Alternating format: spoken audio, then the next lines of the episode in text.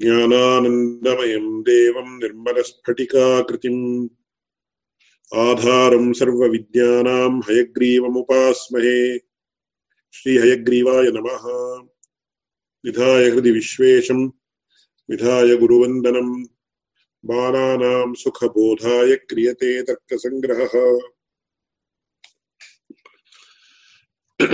एतावत्पर्यन्तम् तत्र स्वार्थानुमानविचारः। तः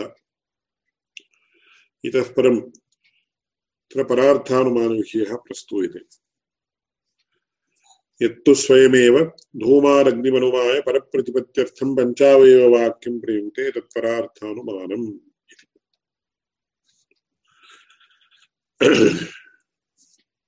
यत्तु इति तत्र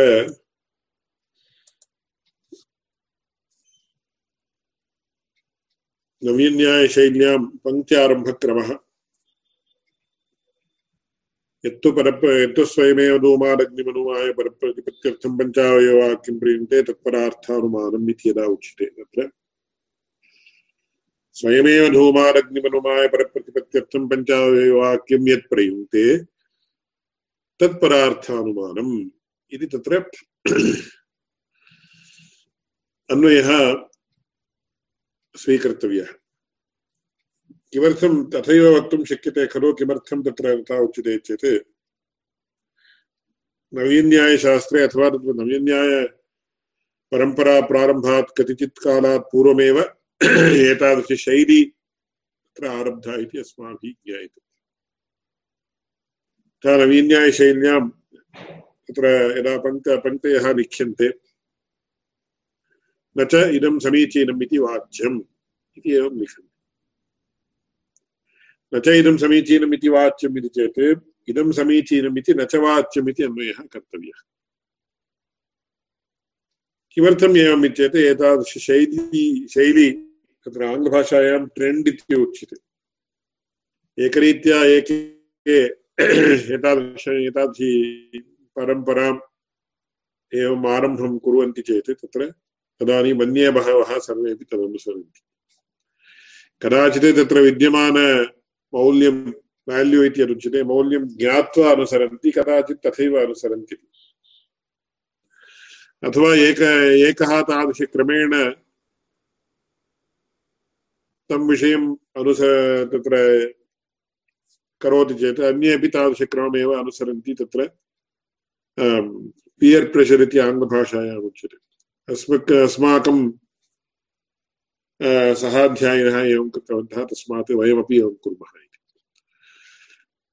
परन्तु न च इदं समीचीनम् इति वाच्यम् इति एवं लिखन्ति, तत्र न च एवं वाच्यम् चेत् अवान्तराक्षेपः इति अस्माभिः सामान्यतया ज्ञातव्यः। इदं सर्वं प्रायिकम् इति अस्माभिः ज्ञातव्यम्। एवमेव तत्र ननु इति उच्यते चेत् प्रधानाक्षेपः अथ इति उच्यते चेत् कदाचित् प्रधानाक्षेपः। इदानीं मङ्गलवादे आरम्भे मुक्तावल्याम् आगच्छति। ननु मङ्गलं, न विध्वंस न विघ्नत्वं सम्प्रति नवासमाप्तिं प्रति कारणं।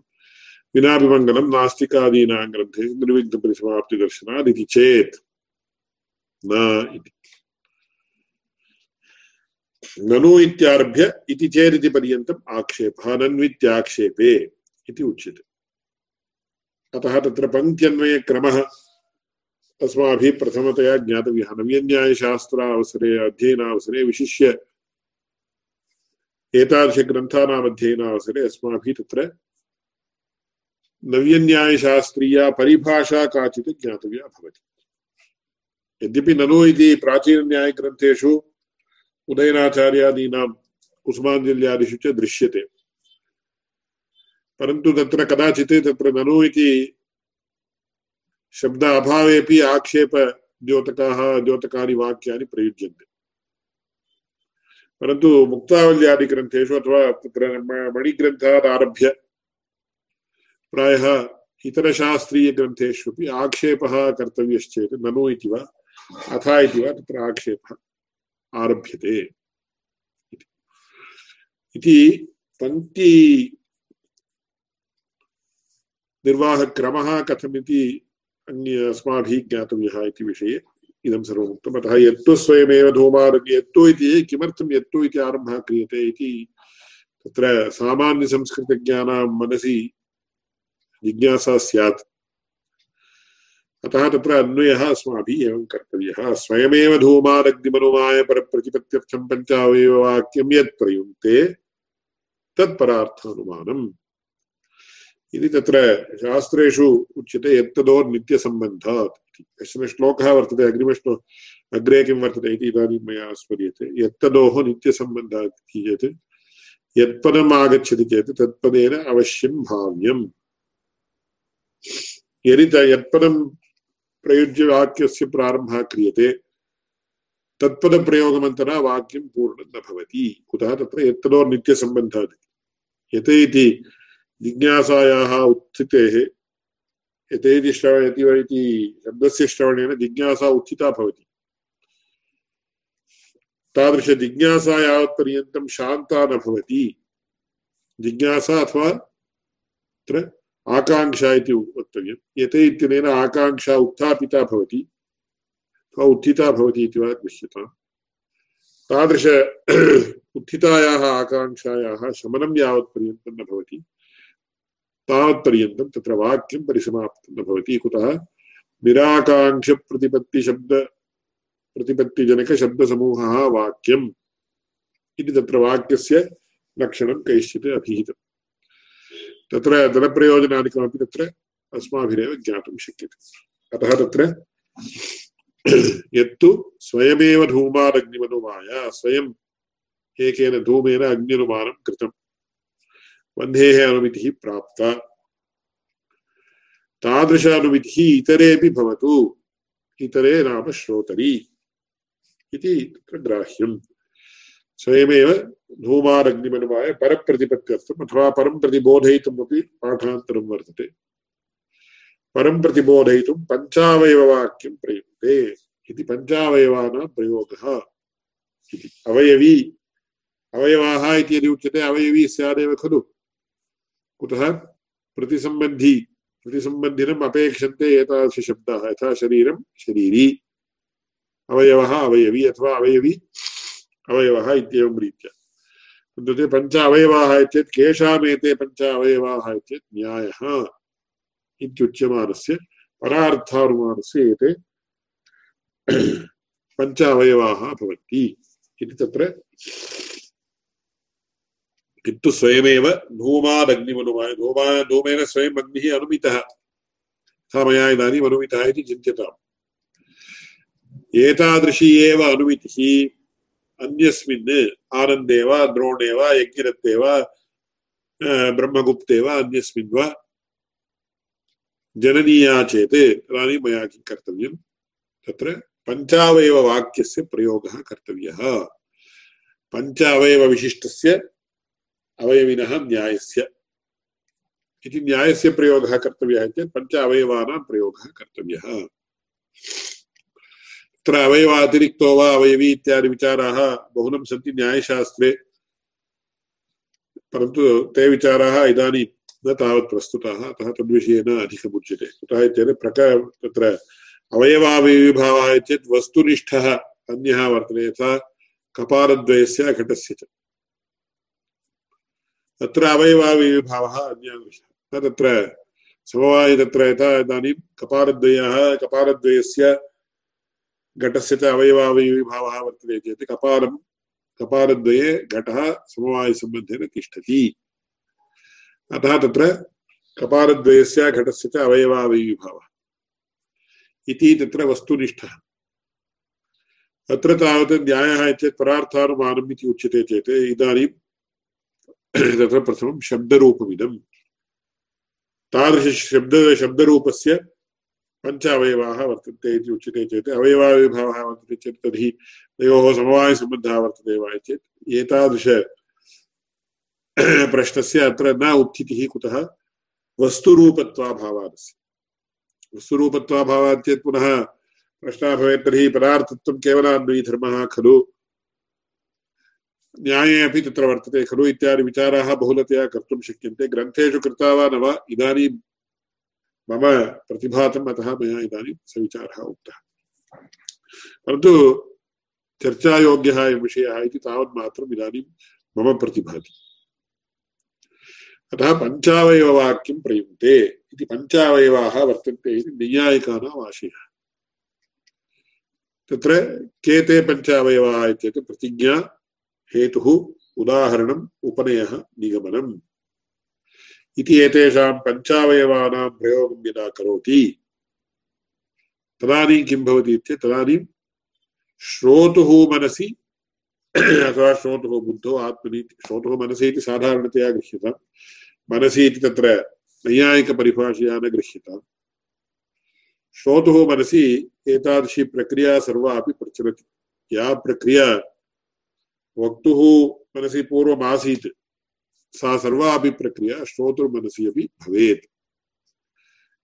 यथा इदानीं व्याप्तिज्ञानं पक्षधर्मताज्ञा पक्षधर्मताज्ञानं व्याप्तिज्ञानं, परामर्शः अनन्तरं प्रवृत्तिः इति तत्र अग्रे अवयवग्रन्थः इति मणिग्रन्थस्य प्रकरणं प्रकरणविशेषः अवयवप्रकरणम् इति तत्र सर्वं विस्तरेण विचार्यते। कथम् एवम् अनुमिति अनुमितिः परार्थानुमानस्थले अनुमितिः कथं जायते परस्य। मध्ये का का प्रक्रिया तस्य मनसि प्रचलति इत्यादिकं सर्वं तत्र विस्तरेण अधीतम् अतः इदानीं तद्विषये न अधिकं प्रस्तूयते कुतः? अस्य प्रारम्भिकप्रकरणग्रन्थत्वात्। न केवलं प्रारम्भिकग्रन्थः, न केवलं प्रकरणग्रन्थः, अपि तु प्रारम्भिकप्रकरणग्रन्थः अयम् एवञ्च प्रकृते तादृशपञ्चावयववाक्यप्रयोगः कर्तव्यः। किमर्थं पञ्चावयवानामेव प्रयोगः? इति प्रश्नः क्रियते चेत्। तत्र न्यायशास्त्रीयैः विशिष्य गौतममहर्षिभिः पञ्चावयवप्रयोगः इति पञ्चावयवोत्पन्नः इत्येव स्पष्टतः तत्र।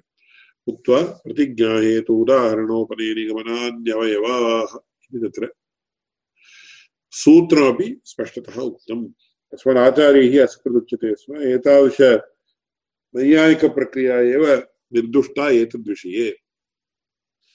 कुतः चेत् तत्र केचन मीमांसकाः अवयवत्रयवादिनः। न्याये नाम परार्थानुमाने अवयवत्रयमेव वर्तते इति वदन्ति केचन मीमांसकाः। अन्ये केचन मीमांसकाः दश अवयवाः इति वदन्ति। कुतः इत्येत्? प्रथमं जिज्ञासा।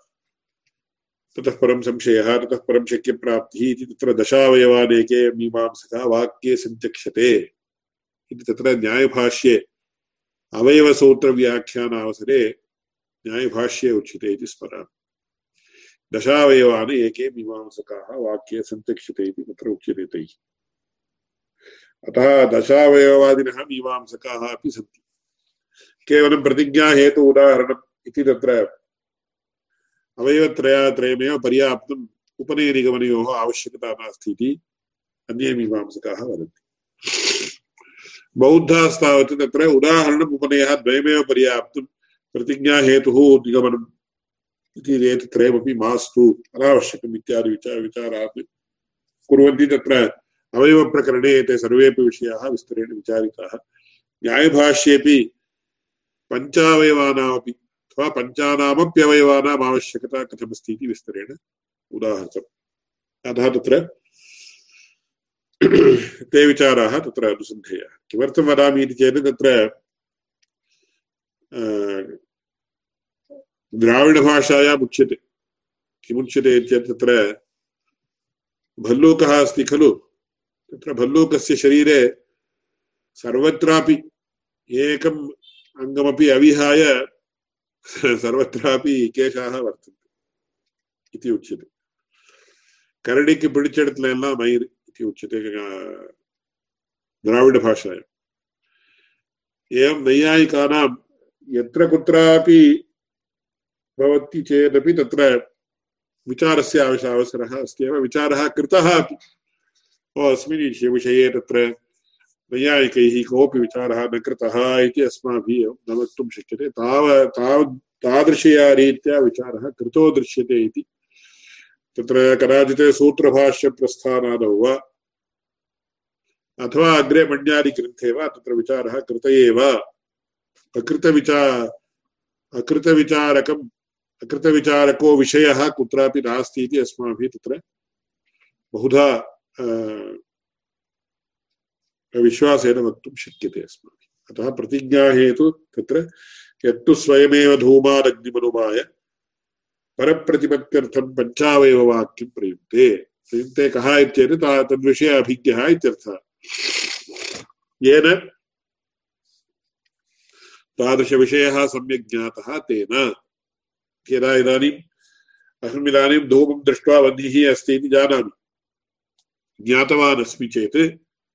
तादृशः अहं पञ्चावय आनन्दे वा, द्रोणे वा, देवदत्ते वा, यज्ञदत्ते वा विष्णुगुप्ते वा, अन्यस्मिन् वा, कस्मिन् वा। अनुमितिम् उत्पादयेयं चेत् तदानीं मया पञ्चावयववाक्यप्रयोगः कर्तव्यः। तादृशपञ्चावयववाक्यश्रवणेन मम मनसि या प्रक्रिया जाता, ये च यानि च ज्ञानानि उत्पन्नानि, व्याप्तिज्ञानं पक्षधर्मताज्ञानं परामर्शः इति एतानि त्रीणि ज्ञानानि, तानि सर्वाण्यपि समुत्पद्यन्ते, तेन तत्र श्रोतुः मनसि अपि अनुमितिः उत्पद्यते इति। अतः तादृशप्रक्रिया इति परप्रतिपत्त्यर्थम् अथवा परं प्रति परस्मिन्ने शाब्दबोधः जननीयः इति नार्थः, अत्रैव सूक्ष्मः विचारः वर्तते। परस्मिन्ने पञ्चावयववाक्यानां श्रवणेन शाब्दबोध शाब्दबोधो जायते, ततः परं तस्मिन् स्वार्थानुमितिर्जायते इति परस्मिन् अनुमितिरेव जननीया। परस्मिन् शाब्दबोधः, शाब्दबोधमात्रं न जननीयं। वाक्यानां श्रवणात् शाब्दबोधो जायते। शाब्दबोधात् पुनः तदीयमनसि इदमियं सर्वापि प्रक्रिया भवति। येन तदीयमनसि अनुमितिरेव जायते। अतः तत्र सः सूक्ष्मांशः ग्राह्यः। इति परप्रतिपत्त्यर्थं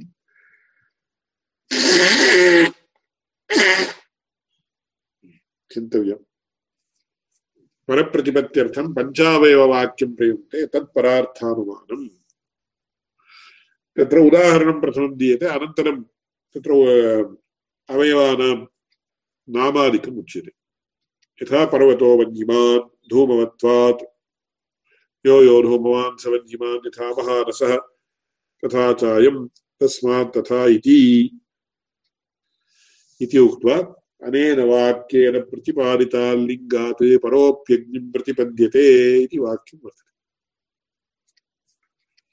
अनेन वाक्येन इत्येत् प्रश्नः स्यात्, किं भोः पञ्चवाक्यानि उक्तानि, अनेन वाक्येन इति, एकेन वाक्येन इति एवं रीत्या उच्यते चेत् अनेन वाक्येन इति तथा अत्र उक्तम्। कः अभिप्रायः इति एकमेव वाक्यमिदम्। अत एव एकवाक्यत्वम् इति विषये पूर्वं पूर्वस्म पूर्वस्यां कस्याञ्चित् कक्ष्यायां विस्तरेण प्रतिपादितम्। किन्नाम एकवाक्यत्वं, सम्भूयैकार्थं प्रतिपादकत्वम् एकवाक्यत्वम्। इति अनेन वाक्येन प्रतिपादितात् लिङ्गात्। इति एवं लिङ्गमेव लिङ्गपरामर्शः अनुमानं, लिङ्गज्ञानमेव अनुमानम् इति उक्तं खलु। तस्मात् लिङ्गः लिङ्गं प्रतिपादितम्। कीदृशं लिङ्गं प्रतिपादितम् इत्येतत् तत्र एतादृश गुणविशेषविशिष्टं लिङ्गं प्रतिपादितं लिङ्गं नाम हेतुः। लीनम् अर्थं गमयति इति लिङ्गम्। इति तत्र इति व्युत्पत्त्या लिङ्गं नाम हेतुः इति अनेन वाक्येन प्रतिपादिता लिङ्गात् परोपि अग्निं प्रतिपद्यते अन्यः अपि यः श्रोता अस्ति सोऽपि अग्निं प्रतिपद्यते जानाति प्रतिपत्तिः ज्ञानम् प्रतिपद्यते जानाति कथं जानाति चेत् शाब्दभूतरूपेण न अनुमितिरूपेणैव जानाति शाब्द वाक्यश्रवणात् शाब्दबोधो जायते शाब्दबोधात् अनुमितिप्रक्रिया सर्वा अपि जायते इति। परोप्यज्ञं प्रतिपद्यते कथम् इत्येत् का केते अवयवाः इत्येते? प्रतिज्ञा हेतु उदाहरणपङ्क्तिं पश्यन्तु। प्रतिज्ञा हेतु उदाहरणोपनेनिगमनानि पञ्चावयवाः इति उच्यते। प्रतिज्ञा हेतुः उदाहरणम्, उपनयः, निगमनम् इत्येते पञ्च अवयवाः के के अवयवाः कथं ते सन्ति चेत् पर्वतो वह्निमान् इति प्रतिज्ञा? प्रतिज्ञावाक्यम् तत्र प्रतिज्ञायाः लक्षणं किं? तत् समीचीनं वा न वा इत्यादि विचाराः सर्वे मणिग्रन्थे कृताः। तत्स्वरूपमपि विवृतं तल्लक्षणमपि विवृतम् इति प्रतिज्ञा, पर्वतो मध्यमान् इति प्रतिज्ञा? साध्यस्य पक्षे वर्तित्व प्रतिपादनमेव प्रतिज्ञा इति साधारणतया वक्तुं शक्यते पर्वतो वह्निमान् कथं कस्मात् कारणात् एवम् उच्यते प्रश्ने धूमात् इति पञ्चम्यन्तं वाक्यं हेतुः इति उच्यते धूमः वर्तते चेत् वह्निः स्याद्वा इति सन्देहः स्यात् चेत् तादृशसन्देहनिवारणाय यो यो धूमवान् स वह्निमान् यथा महानसः अत्रापि यो यो धूमवान् ससवह्निमान् इति वक्तव्यं वा सवह्निमान् इति वक्तव्यं वा इति चर्चां कृत्वा यो यो धूमवान् ससवह्निमान् इति वक्तव्यम् इति केचित् सवह्निमान् इति एकम् एकवारमेव तत्र उद्देश्यशरीरे यो यो धूमवान् इति यत्पदं द्विवारं प्रयुक्तं चेदपि स वह्निमान् इति विधेयशरीरे सप तत्पदम् एकमेव पर्याप्तम् इति केचित् एते सर्वे विचाराः पुनः अवयवप्रकरणे क्रियन्ते अतः यो यो अथवा यो यो सवह्निमान् यथा महानसः इत्युदाहरणम् अस्तु किं वह्निव्याप् तथा इत्येतत् अयम् अयम् पुरतो विद्यमानपर्वतोऽपि वह्निव्याप्यधूमवान् अस्ति बहवः किं कुर्वन्ति चेत् तथा चायमित्यने तस्मात् पर्वतो पर्वते वह्निरस्ति इति अभिप्रायः इति वदन्ति। तथा चायमिति तावन्मात्रमुक्तं खलु। अयमपि वह्निमान् इति। तथा नास्ति। तत् भ्रान्त्या तथा उच्यते। तथा चायमिति चेत् वह्निव्याप्य धूमवांश्च अयम् इति। ततः परं तथा तस्मात् तथा इति उच्यते चेत् कोऽर्थः? तस्मात् पर्वतो वह्निमान् तत्र प्रतिज्ञावाक्यस्य, निगमनवाक्यस्य च ऐकरूप्यं वर्तते। परन्तु तस्मादिति एकं पदम् अधिकतया योजनीयं निगमनवाक्ये इति। एवं मनिव्याप्य धूमवांश्च अयम्, यतः अयम् मनिव्याप्य धूमवान् ततः तस्मात् तथा पर्वतो वध्यमान् इति। प्रथमं प्रतिज्ञा क्रियते। ततः परं हेतुवाक्यम् उपन्यस्यते ततः परम् उदाहरणं ततः परम् उपनयः ततः परं निगमनम्। इति तस्मात् तथेति निगमनम्। इति पर्वतो वध्यमान् इति प्रतिज्ञाधूमवत्वादिति हेतुः। यो यो धूमवान् स वध्यमान् यथा महानस इत्युदाहरणम् तथा चायमित्युपनयः तथा चायमित्यत् सर्व सर्व सर्व तथा च अयम् इति सर्वनामशब्दाः वर्तन्ते। अतः तत्र तथा चायं नाम वह्निव्याप्यधूमवांश्च तस्मात् तथा तस्मात् पर्वतो बुद्धिमान्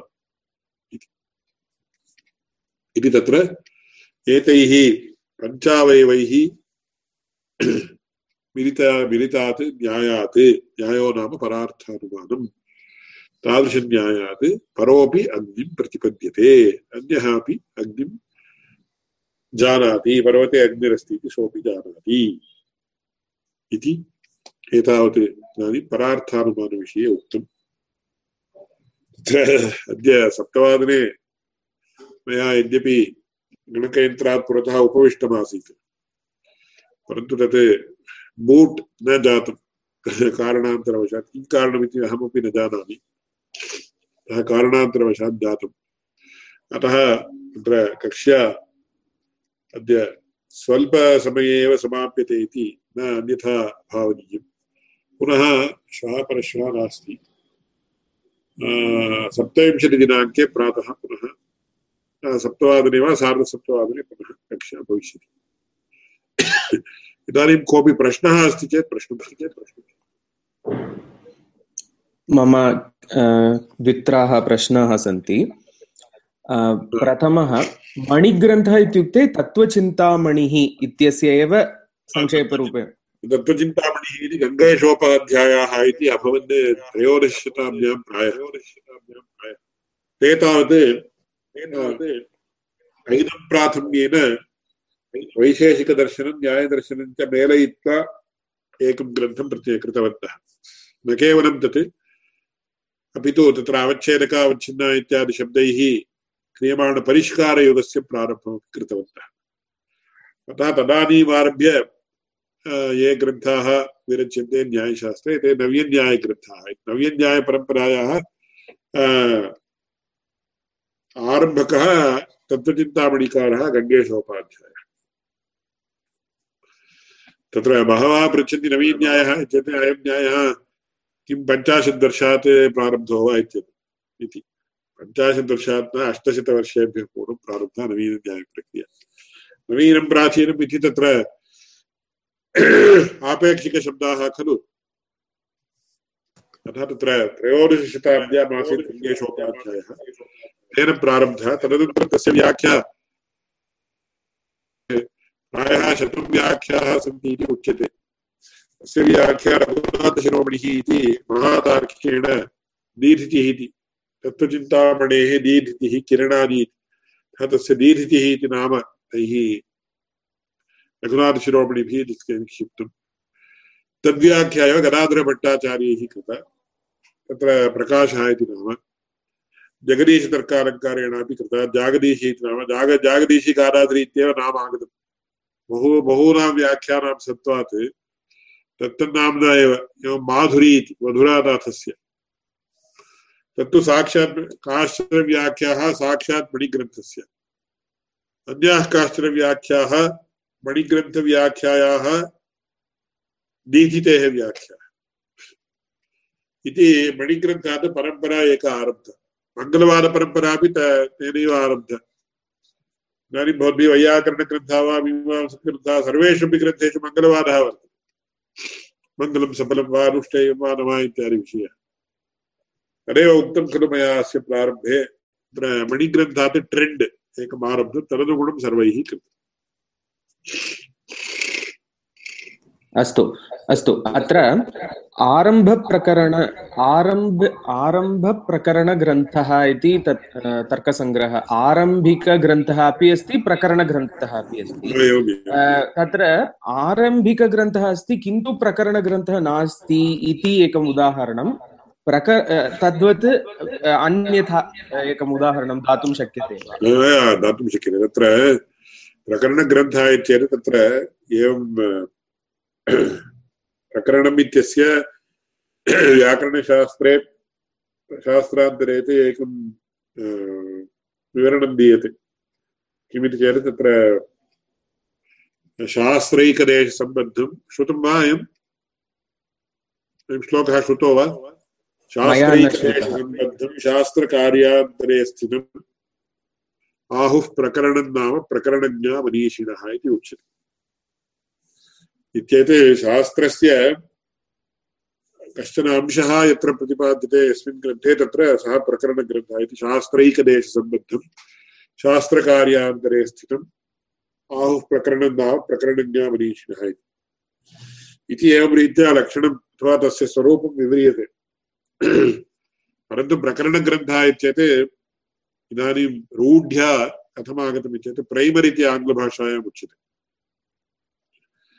मूलपरिचय, मूलशास्त्रस्य बेसिक् इति, बेसिक् इण्ट्रोडक्षन् इति यदुच्यते, तद्यत्र क्रियते, तत् प्रकरणग्रन्थः इति तत्र एवं रीत्या रूढ्य, रूढौ एवं रीत्या तत्र वर्तते। तत्र मुक्तावलीग्रन्थः अपि प्रकरणग्रन्थः एव इत्येव तत्र मुक्तावली इति ग्रन्थः न्यायसिद्धान्तमुक्तावली अपि प्रकरणग्रन्थत्वेन परिगृह्यते। परन्तु प्रारम्भिकप्रकरणग्रन्थः न तत्र। कुतः तत्र चेत् तत्र मङ्गलवादः, ईश्वरवादः इत्यादि वादाः अपि तत्र भवन्ति। परन्तु न विस्तरेण। अतः तत्र सः न प्रारम्भिकप्रकरणग्रन्थः किञ्चिदिव न्यायशास्त्रपरिचये यः परिचयः यैः प्राप्तः तादृशानां कृते विद्यमानः ग्रन्थः एवं प्रारम्भिकग्रन्थः इति उच्यते चेत् प्रकरणग्रन्थः अपि भवति सः तदेव प्रकरणग्रन्थः इति अस्माभिः किमाधारीकृत्य परिगणना कर्तव्या इत्येतत् तत्र रूढिम् आधारीकृत्य एव इति एकदृष्ट्या वक्तुं शक्यते इदानीं जगदीशतर्कालङ्कारस्य तर्कामृतम् इति वर्तते। प्रारम्भिकग्रन्थः। परन्तु तर्कसङ्ग्रहे यथा काम्प्रहेन्सिव् रूपेण तत्र विषयाः सङ्गृहीताः न तथा तत्र कृताः। यद्यपि ग्रन्थः जगदीशतर्कालङ्कः तर्कालङ्कारः, महातार्किकः, गदाधरभट्टाचार्याणां किञ्चिदिव अग्रजः सः। उभौ अपि एकत्रैव आस्थाने आस्तामिति अस्माभिः चरित्रे श्रूयते। परन्तु अन्नम्भट्टः महाविद्वान् चेदपि तेन इतरग्रन्थानां निर्माणेपि तर्कसङ्ग्रहस्य एकस्य कारणावदेव तस्य बहु कीर्तिः जाता। अतः तत्र अत एव मया अस्मिन् दिने प्रारम्भिकप्रकरणग्रन्थः इति एव प्रातिभतया उक्तं तत्र एवमेव इति अथवा अन्यैः कैश्चिदेवम् उक्तम् इति नार्थः मम एवं प्रतिभातं तथा मया उक्तं भवतां प्रश्नस्यापि मया उत्तरम् एवं दत्तमस्ति इति चिन्तयामि उत्तरम् आगतं वा भवतु आगतं वा भवतु हा उत्तर उत्तरम् आगतं तत्र प्रकरणम् इत्यस्य अर्थं ज्ञात्वा केचन ग्रन्थाः यद्यपि प्रकरणम् इत्यस्य अर्थं ज्ञात्वा यद्यपि केचन प्रारम्भिकग्रन्थाः स्युः तथापि प्रकरणग्रन्थाः प्रायः न स्युः तथा न परिगृहीताः। यथा तद् उदाहरणं दत्तम्। अन्यथा उदाहरणं तु स्पष्टम्। इदानीं एकः प्रश्नः अस्ति तस्य लघु अत्यन्तसङ्क्षेपरूपेण किञ्चित् उत्तरम् एव अपेक्ष्यते। यतोहि तद् तस्य विचारः अनन्तरम् आगच्छति इति भवता एव उक्तम्। यत्र यत्र इति उक्त्वा, अथवा यः यः इति उक्त्वा, अनन्तरं तत्र तत्र इति वा, अथवा केवलम् एकवारं वक्तव्यं वा इति विचारभेदः अस्ति। मम प्रश्नः तु संक्षेपरूपेण तु तत्र मुख्यतया एकवारं तत्र इति उक्ते उक्ते सति, अथवा द्विवारं वदामश्चेत् कः भेदः, अवगमने कीदृशभेदः अस्ति इति तस्य उत्तरं एवमस्ति यत्र यत्र इति किमर्थं यद् यत्र धूमः तत्राग्निः एवमेव उच्यते चेदेव अलं खलु यत्र यत्र धूमः तत्र तत्राग्निः इति किमर्थम् इति। प्रथमं तद् तस्य प्रश्नस्य उदाहरणं दास्यामि। तत्र यत्र इदानीं इदानीं मम मम, पुरतः फलके एकं एतत् पेपर् अपि अस्ति एवम्, एतत् एतत् पत्रमपि अस्ति एवं लेखनी अपि वर्तते इदानीं यत्र लेखनी तत्र पत्रम् इति वदामि यत्र लेखनी वर्तते तत्र पत्रं वर्तते इति वदामि तदानीं कोऽर्थः उभयोः सामानाधिकरण्यम् अस्ति एकाधिकरणवृत्तित्वम् अस्ति इति ज्ञायते परन्तु इदम् एकाधिकरणवृत्तित्वं कीदृशम् इत्येतत् इदम् आकस्मिकम् इयं लेखनी यत्र स्यात् चेत् अत्र अनेन पत्रेणैव पत्रेणापि अवश्यं भाव्यम् इति निर्बन्धो नास्ति। इति इदम् आकस्मिकसाहचर्यम् नियतसाहचर्यं द्योतनीयं चेत् तदानीं यत्र यत्र यत्र यत्र धूमः, तत्र तत्र अग्निः। किमर्थं यत्र यत्र इति द्विवारं वक्तव्यम् इत्येतत् नियतसाहचर्यं वर्तते अनयोः धूमः यत्र यत्र वर्तते यत् धूमसत्त्व अधिकरणेषु सर्वेष्वपि वह्निः स्यादेव इति अतः यत्र यत्र धूमः तत्र तत्र वह्निः इति तत्र साधारणतया एव सहजतया उच्यते परन्तु तत्र अवयवप्रकरणे तावत् अवयवग्रन्थे तत्र उद्देश्यवाक्ये उद्देश्यग्रन्थे अथवा उद् वाक्यस्य उद्देश्यभागे यत्र यत्र इति यच्छब्दः द्विवारं प्रयुज्यते। तत्र विधेयभागे तावत् वाक्यस्य उद्देश्यविधेयभावः इति उच्यते खलु। तत्र विधेयभागे यत्र यत्र धूमः इति उद्देश्यभागः, तत्र तत्र वह्नि इति विधे विधेयभागः। तादृशविधेयभागे तावत् यत्र यत्र धूमः, तत्र वह्निः इति उच्यते चेदपि पर्याप्तम् इति। तत्र कारणं किं दत्तम् इति इदानीं न स्मरामि। परन्तु तत्र दृष्ट्वा वक्तुं शक्यते। अन्यस्मिन् कस्मिन् दिने कस्मिंश्चित् दिने कृपया स्मारयन्तु। अवश्यं दृष्ट्वा वदामि, परन्तु तावन्मात्रं स्मर्यते। तत्र विधेयग्रन्थे तावत् एकवारम् उच्चरितेन तच्छब्देनापि अलम् इति तत्र उक्तम् इति इदानीं स्मर्यते। अथवा तत्र केषाञ्चित् पक्षः तथा अस्ति इति उक्तं वा? स्यात्। तत्र कारणं किम् इति दत्तम् इति इदानीं न स्मर्यते परन्तु तत्र तादृशः एकः विषयः अस्ति इति तु स्पष्टं स्मर्यते। अस्तु अस्तु धन्यवादः। तर्हि सप्तविंशतिदिनाङ्के पुनः मिलामः प्रातः। विधाय हृदि विश्वेशं विधाय गुरुवन्दनं बालानां सुखबोधाय क्रियते तर्कसङ्ग्रहः ज्ञानान्तमयं देवं निर्मलस्फटिकाकृतिम् आधारं ग्रीवोपास्महेशी हय श्रीहयग्रीवाय नमः।